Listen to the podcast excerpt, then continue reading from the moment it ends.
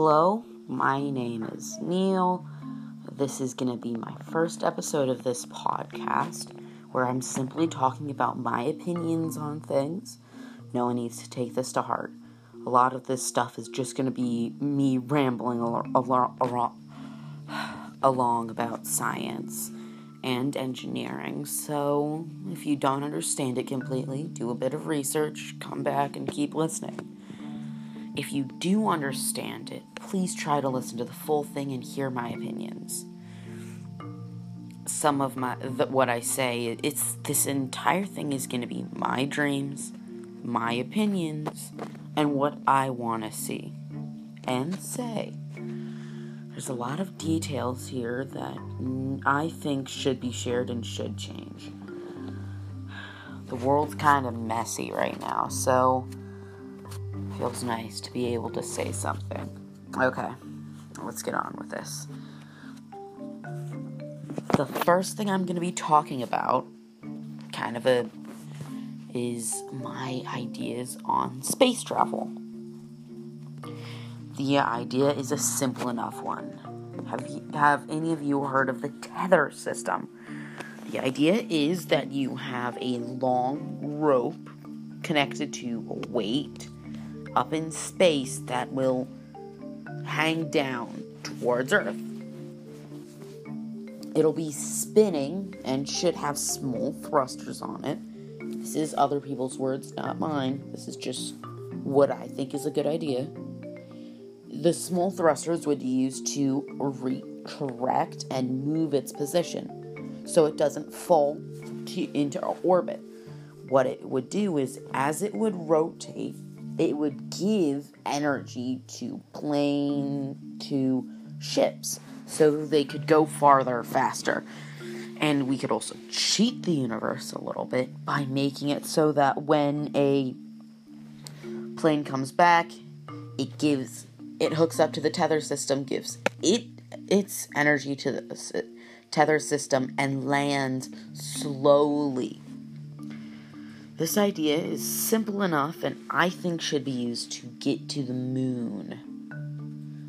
It seems kind of ridiculous, but since the moon is so close already, but this could shorten it down to the space of a, a plane flight, pretty much. Imagine just being able to zip up in, and in about four or five hours land on the moon and just be like, well, I'm here for my tourist destination.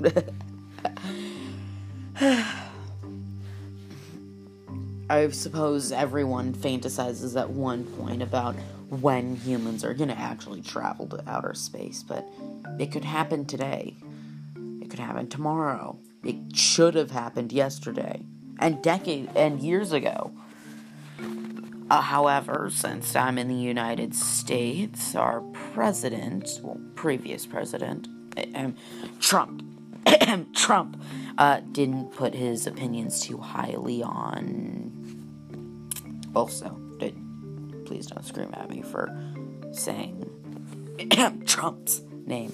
Uh, I just think that our president a long time ago should have prioritized the colonization of other planets because human expansion is necessary.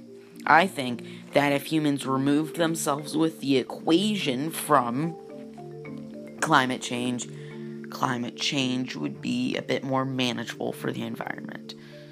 I'm not saying we leave forever. I'm saying we take, uh, in all of humanity takes a day off.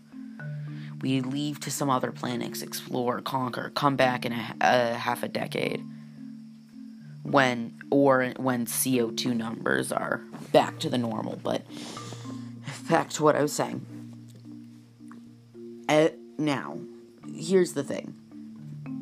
To my knowledge, and to the extent of the research I've done, there are small and large ice pockets on the moon. The idea is that we establish some sort of colony or small area I'll, I'll explain that later, but basically, I would I think it's a good idea to, idea to extract the ice shards that are part of the moon, bring them up to the surface. This will make more sense later because uh, I don't think they would melt immediately. They probably would melt, but they wouldn't stay melted. They would just melt for the day, then freeze back when it came to night. So, no, no, no, no, no. That cannot happen. So,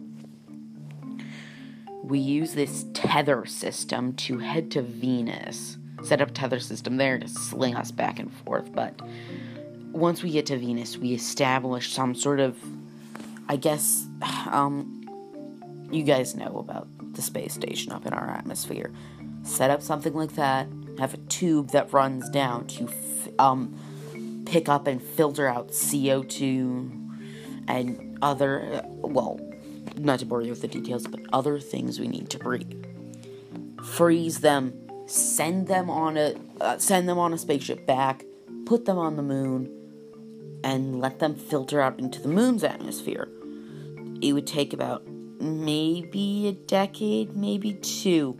But with this process of ice CO2, eventually you would create a semi breathable atmosphere.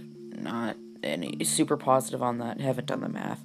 But then it would still be enough to raise the temperature to and cool the temperature in the shade to be enough to um, liquefy the water and liquefy that ice and keep it liquid all day for the 24 hours.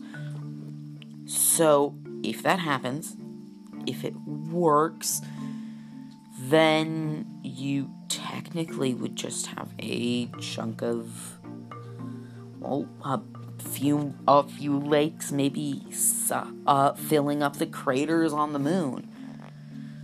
I'll uh, move on to lunar ore extraction in the next segment of this, but right now this is lunar uh, using the moon as and the tether system.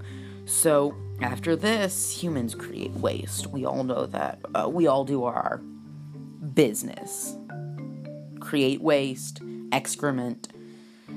If there's people on the moon, they're gonna also do that. So if we spread out our poo and create a habitable layer, filter that in with the moon dust, it should eventually be um, decent enough for plants to live off of. Uh, that's pretty much the main idea. Then we just send up tons and tons of. Uh, I don't remember the specific name, but it's a type of algae that will add nutrients to the water up on the moon, make it habitable for other life. That way, we can just slowly send up plants, animals. This entire process of colonizing the moon would take two to three decades, give or take, perhaps longer.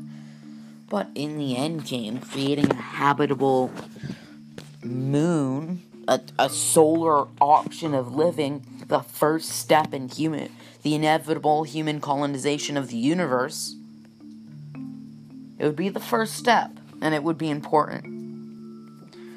More than sent because of the tether system, it would be cheaper, more affordable, and we would be able to fly commercial to the moon. With plus the breathable atmosphere that would make more construction easier. And i suppose as this project of making the moon habitable it, we should also be working on construction prog- progress lunar dust believe it or not is has the right materials when properly filtered to create concrete meteors have materials to make cell phones, that kind of thing, but just build a giant concrete structure on the moon. No t- need to ship up materials from Earth. We can continue extracting that. I, and, like, also, lunar soil is also made up of the same materials, as I said, when properly filtered to make rocket fuel. That would get some private investors involved, I'm sure a lot of companies would be scrambling once it's set up to use if United States does this, if a colony does this to create you would just have absolute control of the flow of commerce, energy, lifestyle that goes up to the moon. Completely. It would be incredible in my opinion. Then you then one then everyone else would just have to build their own, which would be a million in dollar investment to be sure, but like just think of this what this would do. It gives you control over what is going on, what goes up, what comes down. All resources extracted from the moon would be shipped directly to, in my case, America. In whoever's watching this case, I don't know, uh, where you live, Europe, Australia. That's a direct flow of resources that are rare and very expensive here on Earth. That would be easy and affordable up there. Not to mention how many uh, scientific advancements that would probably be made that to make life easier, but eh. I'm a junior scientist. I'm age 12. I do my research. I do my talking. I come up with my ideas. I do not figure out every little detail. Anyway, I gotta go to bed soon. It's like near midnight. Um, so to wrap this up, the idea is to progress and create progress. This is a simple enough idea that has been talked about and thought of throughout the course of history and humanity. So it's only the next logical step. First, the moon. And the moon has less gravity. It's easier to launch rockets from there. So you send up parts, pieces, astronauts, and materials up to the moon, which would be definitely less pricey. I mean, this entire thing it would be costly, and but it would make things whole so much less costly. Basically, the idea is if you go up there, get there, you can build a rocket and launch it with less fuel, and potentially create the uh, the moon would be the basis for an intergalactic travel system which I think is an incredible idea. If we can get ourselves to the moon, and in my opinion, the idea is that um, we would probably have complete control of what life goes up there in general. So, a humanity would be able to forge and create its own ecosystem a biological hub, complete control. I mean, like, that is crazy. Excuse me. Um, pretty much, if you do this, you would have complete control of what goes up there, what comes down here. Now, um, someone hire me. Uh, send it. Send this to the president, maybe. Um, so, I just want this to work, this to be done. The idea is simple enough. We create this system of tethers that could fling spaceships spaceships across our solar system. Um, but after that, who knows next? Who knows? I, I I've only done the calculations for the moon, Mars, Venus, reached out to some people. And by some people, I mean I used a lot of Google Calculator. Like a lot of Google Calculator. So, if this works, it is just simply. Uh, it's simply a matter of time before someone uses my plan and expands across the universe. I already am working on blueprints for the first lunar outpost. If that works, I mean, and the machinery I've designed, if it all works out, I mean, that would just be a the next step. It would be incredible for me, for my family, for all of humanity. But like this is progression. This is the next step. This is someone thinking about the future and thinking farther than the next year and the year after that because someone needs to plan ahead. Someone needs to think of the next thing. Anyway, that has been me. My name is Neil, and this was me talking about the moon and space tethers. I'll continue this in the next episode.